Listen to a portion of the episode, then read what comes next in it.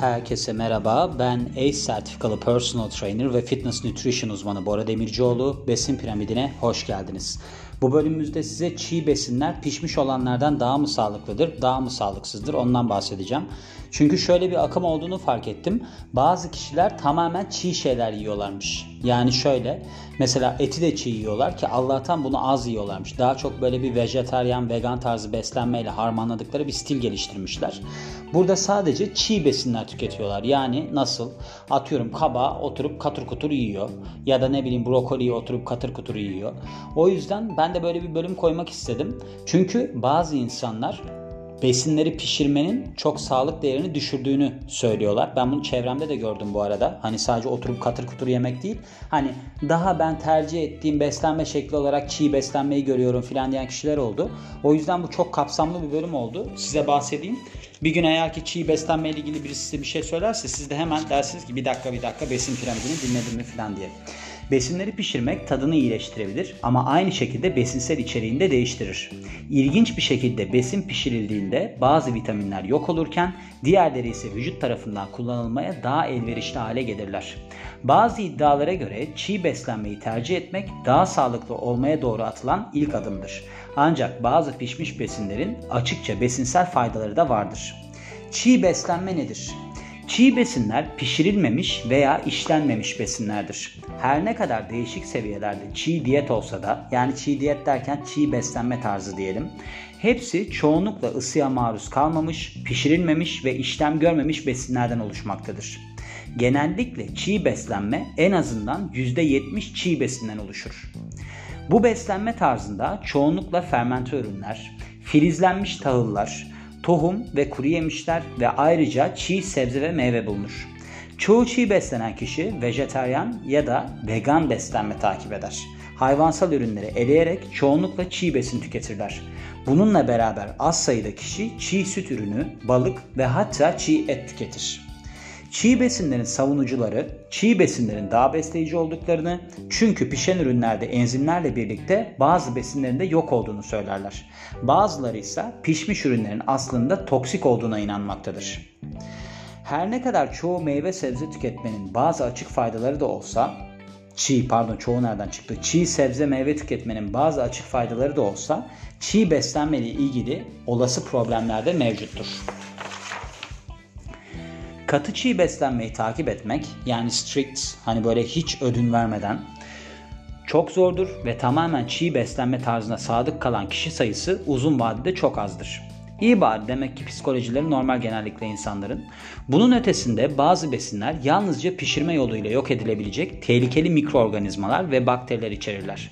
Balık ve ette Bal, balık ve ette içeren tamamen çiğ, ha, balık ve et de içeren tamamen çiğ bir beslenme şekli besin kaynaklı hastalık gelişmesine yol açabilir. Yani çiğ balık ve çiğ et yemek nasıl bir kafadır onu da tam anlayamadım ama neyse devam ediyoruz. Pişirmek besindeki enzimleri yok edebilir. Bir besin tükettiğinizde vücudunuzdaki sindirim enzimleri onu moleküllerine ayırmaya ve böylece emilimine yardımcı olurlar. Ayrıca yediğiniz besin de sindirime yardımcı olacak enzimler içerir. Enzimler sıcağa karşı hassastırlar ve yüksek ısıya maruz kaldıklarında kolaylıkla pasifize olabilirler. Aslında neredeyse tüm enzimler 117 Fahrenheit yani 47 derece üzerindeki sıcaklıklarda deaktif olurlar. Yani pasifize olurlar. Öyle söyleyeyim. Yani enzimlerin kullanılabilirliği kayboluyor 47 derecenin üzerindeki bir sıcaklıkta. Bu çiğ beslenmenin lehine olan ilk maddedir. Yani çiğ beslenmeyi savunanlar bunu söylüyor. Çünkü diyor ki pişirme işlemi sırasında besin enzimleri değiştiğinden vücudunuzdan daha fazla enzim sindirim için gerekiyor. Çiğ beslenme taraftarları bunun vücuda stres yükleyeceğini ve enzim eksikliğine yol açabileceğini savunurlar. Ancak bunu destekleyecek bilimsel bir çalışma maalesef yoktur. Yine bir palavradan ibaret yani. Bazı bilim insanları ise besinsel enzimlerin ana görevinin bitkinin büyümesine yardımcı olmak olduğunu, insanlara sindirim konusunda yardımcı olacak bir durumları olmadığını savunurlar.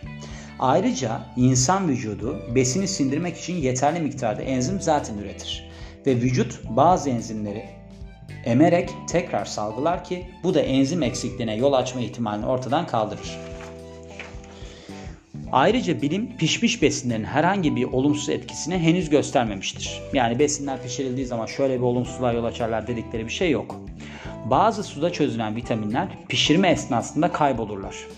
Çiğ besinler pişirilmişlere kıyasla bazı besinler açısından daha zengindirler. C ve B vitamini gibi suda çözünen vitaminler özellikle pişirme sırasında kaybolmaya daha meyillidirler.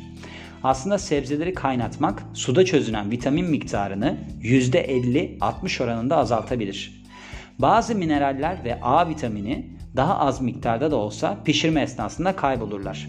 D, E, K gibi yağda çözünen vitaminler, A da onlardan birisi biliyorsunuz, pişirmeden pişirmeden en az etkilenenlerdir. Kaynatma, bakın bunun altını çiziyorum. Kaynatma diğer pişirme tekniklerine göre en büyük besinsel kayba sebep oluyor. Kızartma, kavurma ve buharda pişirme en iyi sebze pişirme yöntemleri. Son olarak besinin sıcağa maruz kaldığı pişirme süresi de besinsel içeriği etkiler. Pişirme süresi ne kadar uzarsa o kadar besinsel kayıp olur. Yani böyle suyun içine bir sokup çıkarın. Öyle söyleyeyim size. O zaman çok az olur. Şaka yapıyorum tabii de. Yani, yani nasıl olacak onu da anlamadım ki. Çok pişirmeyin tamam da hani katır kutur mu yiyeceksiniz gene. Pişmiş besin daha kolay çiğnenip sindirilebilir.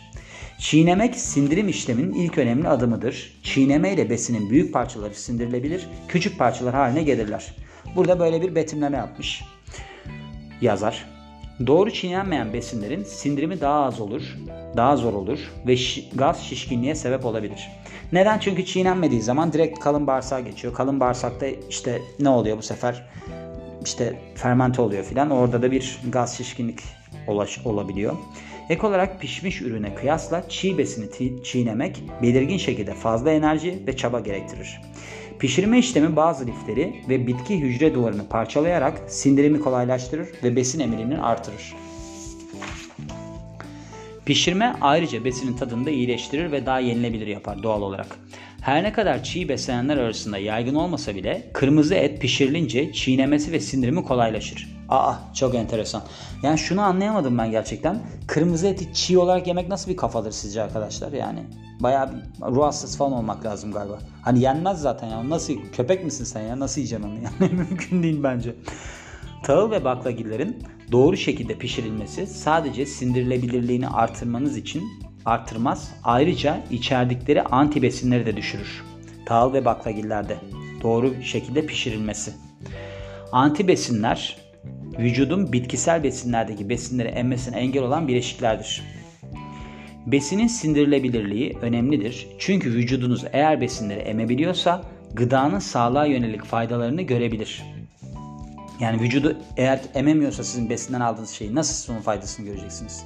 Bazı pişmiş besinler daha kolay çiğnenip sindirildiğinden çiğ olanlara kıyasla vücuda daha fazla besin sağlarlar. E doğal olarak öyledir yani. Bir kere şu var. Siz bir besini doğru düzgün çiğneyemezseniz, yutamazsanız ondan nasıl besin alacaksınız siz? Yani oradan gidecek kalın bağırsağa geçecek, sindirilmeyecek. Bir ton lifi bilmem nesi rahatsız edersiniz. Bu çok garip bir yaklaşım yani anlayamıyorum. Ben Healthline'dan çeviriyorum işte bunu. Healthline'dan bakıyorum böyle hani nutrition'la ilgili bölümlere falan. Bu çıkınca dedim yani böyle bir şey var mı gerçekten? Ya size şöyle söyleyeyim 12 sayfalık makaleydi ya. Yani çok ilginç. Pişirmek bazı sebzelerin antioksidan kapasitelerini artırır. Pişirmek bakın. Araştırmalara göre sebzeleri pişirmek beta karoten ve lutein gibi antioksidanların kullanılabilirliğini artırır. Beta karoten vücut tarafından A vitaminine dönüştürülen güçlü bir antioksidandır. Beta karotenden zengin beslenme daha düşük kalp hastalığı riskiyle ilişkilidir. Antioksidan likopen de pişirilmiş gıdadan daha kolay şekilde emilir ve likopen erkeklerde prostat kanseri riskini düşürerek kalp hastalığı riskini de azaltır. Bir çalışmaya göre domatesi pişirmek C vitaminini %29 düşürürken 30 dakikalık bir pişirme süresini kastediyor burada. Likopen içeriğini iki katından fazlaya çıkarıyormuş. Ayrıca domatesin toplam antioksidan kapasitesi de %60 üzerinde artıyormuş. Yani kar zarar ilişkisine bakarsak bir tarafta %29'luk bir C vitamini azalması var. Diğer tarafta 2,5 kat falan bir antioksidan yükselmesi var. O yüzden biz bunu seçelim, pişirelim, boş verin. Antioksidanlar önemli çünkü serbest radikaller denilen zararlı moleküllere karşı vücudu koruyorlar. Antioksidandan zengin beslenme daha düşük kronik hastalık riskiyle ilişkili.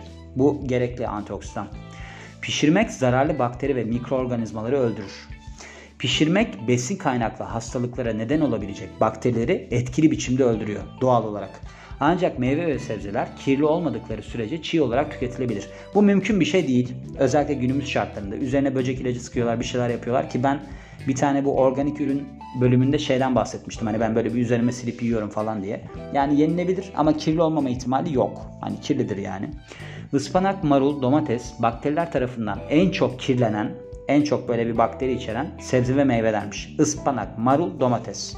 Biliyorsunuz bir ara Türkiye'de öyle bir şey olmuştu. Bu ıspanakla ilgili bir sorun yaşamışlar. iki sene önce falan. Öyle bir toplandı moplandı bir şeyler. Çiğ et, balık, yumurta ve süt ürünü sıkça bakteri içeriyor.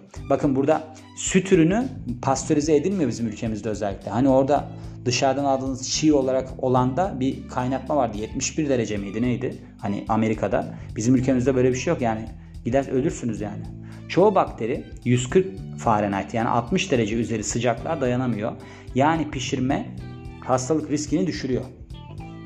Peki çiğ olarak tüketilmesi gereken besinler hangileridir? 1. Brokoli.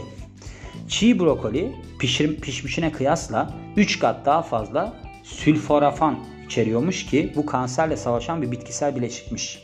Çiğ olarak tüketiyoruz brokoli. 2. Lahana. Lahanayı pişirmek kanseri önlemede rol oynayan mirosinos enzimini yok ediyor. Eğer lahanayı pişirecekseniz kısa süre pişirin denilmiş. Bir de akıl veriyor. Üçüncüsü soğan. Çiğ soğan antitrombosit ajanı. Bu da kalp hastalığını önlemeye yardımcı oluyor. Pişirmek etkiyi düşürüyor. Soğan yenilebilir çiğ. Dördüncüsü sarımsak.